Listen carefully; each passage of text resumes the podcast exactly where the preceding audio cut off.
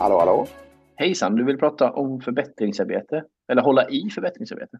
Ja, alltså jag funderar eh, ganska mycket på det här. Jag mm. eh, är ju den första att tycka att man ska hålla på med ständiga förbättringar eller förbättringsarbete eller kalla det vad du vill. Mm. Eh, och det är lite det här, om vi bara ska ta 20 sekunder på det så är logiken är ju mycket att om man gör en 1% förbättring per vecka till exempel, då kan ni slå in 1,01 uppe till 52 på en miniräknare, eller uppe till 40 om ni tror att det är 40 arbetsveckor. Och så blir det någonting ganska bra. Liksom.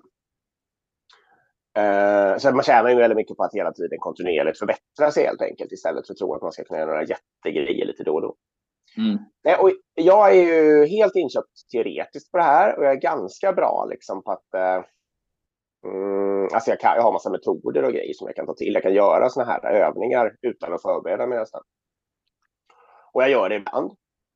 Men jag har svårt att få till det här med just det här varje dag eller varje veckas grejen liksom i min ledningsgrupp. Mm. Uh, så jag, ska, jag, jag, måste på något sätt, jag måste få det än, jag vet inte. Mm. du är bättre på det här. Vi åt till lunch idag, du och jag. Ja. Och då pratade vi, mm. Ja, då pratar vi lite om det här exakt. Och då, din utmaning där vi kom fram till blev ju att du skulle under hela februari eh, skriva ner den förbättringssaken ni gör varje vecka. Alltså det blir fyra stycken mm. då, eller vad det var, för det är fyra mm. veckor kvar februari. Mm.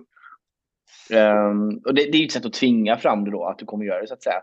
Men sen mm. jag funderar på, för, för det är ju precis, vi kan, vi kan stanna med den poängen lite. Det tycker jag är det viktigaste. Det är det, det, är det absolut vanligaste felet man gör vid förbättringsarbete. Att man, man gör kanske ett retrospektiv eller någon form av liksom, reflektionsövning. Och så kommer man på 35 saker, liksom, allt mm. stort som smått. Uh, och så skriver man ner allt det där och så delar man ut fem till varje. Ja, men du vet, det går ja, inte. Det blir, det blir ingenting. Nej. nej. Utan det... man kanske inte ens delar ut. Alltså, okay. Jag måste bara säga mardrömsversionen av det här är ju gammal mm. projektmetodik och då heter det att man gör en lessons learned och då är mm. det liksom en två timmars workshop som resulterar i en stor rapport som ingen mm. någonsin gör någonting av. Liksom. Det, är, mm. det är det sämsta alternativet av alla. Mm. Fortsätt. Precis. Och, eh, så, så det jag tycker du ska fokusera på då är, det är ju att hitta en sak varje vecka eller varannan vecka, mm. vilken kadens du har, som ni faktiskt mm. genomför. Då. Mm. Uh, och nu ska du rapportera det till mig då. Mm. uh, om fyra, ja, det, mm. Och även den här podden. Ja, mm. Så, så det, det, är ju bra. Sen, okej, okay, med det sagt då. Sen tycker jag det är svårare i ledningsgrupp att ha retro än vad det är i ett uh, utvecklingsteam till exempel som vi jobbar i. Mm. Och jag tror det beror på att uh, sättet man jobbar i i en ledningsgrupp är liksom lite ständigt förbättrande per natur på något sätt. Mm. Alltså du menar, du men, mm -hmm. om saker inte funkar då tar man upp det ganska fort och alla har lite det perspektivet och kapaciteten att tänka på de sakerna och så vidare. Så jag tror man själv förbättrar sig utan att ha process för det så att säga. Och det kan jag också märka på utvecklingsteam som är ganska mogna. Att då behövs liksom inte retro så mycket för det, det är redan inbyggt i sitt day-to-day-arbete att man liksom naturligt förbättrar sig och ah, ska vi testa det där istället eller ska vi göra så där eller vi tar bort det där och vi, du vet sådär. All right. All right. Ja, det kan vara så också att det har, har med att det är en hög mognad att göra. Gör att det blir liksom mindre behov av att göra det som en eh, officiell ceremoni liksom. Mm.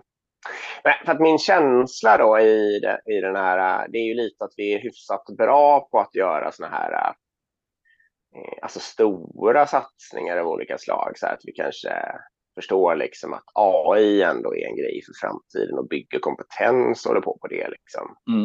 Eh, det är ju en slags jätteförbättringsarbete då för hela min organisation, liksom, flera hundra människor. Men att vi är sämre på det här, liksom, att eh, ja, vi borde korta det mötet eller Mm. Liksom, lägga in den grejen eller eh, dokumentera, alltså skriva ner alla de här sakerna och den här sorten i det där dokumentet eller, eller sluta göra det eller you name it. Liksom. Mm. Eh, att vi inte riktigt har tempo i dem. Ja, nej, men okej. Jag ska inte tjata sönder det här nu. Eh, men dealen mm. blir ju då att, för jag skrev upp i min kalender om fyra veckor så här, eh, mm. att jag skulle ha gjort fyra förbättringar. Precis. Så då borde jag eh, berätta här för dig då och sen om de inte är superhemliga eller är någon konst med det här så kommer jag berätta dem någonstans. Ja, vi tar det i, i podden helt enkelt. Ja, den andra mars då antagligen eller någonstans i närheten av den. Mm. Ja, det är bra. Bra. Då får vi se vad det blev. Tack för idag. Tack. Hej! Hej!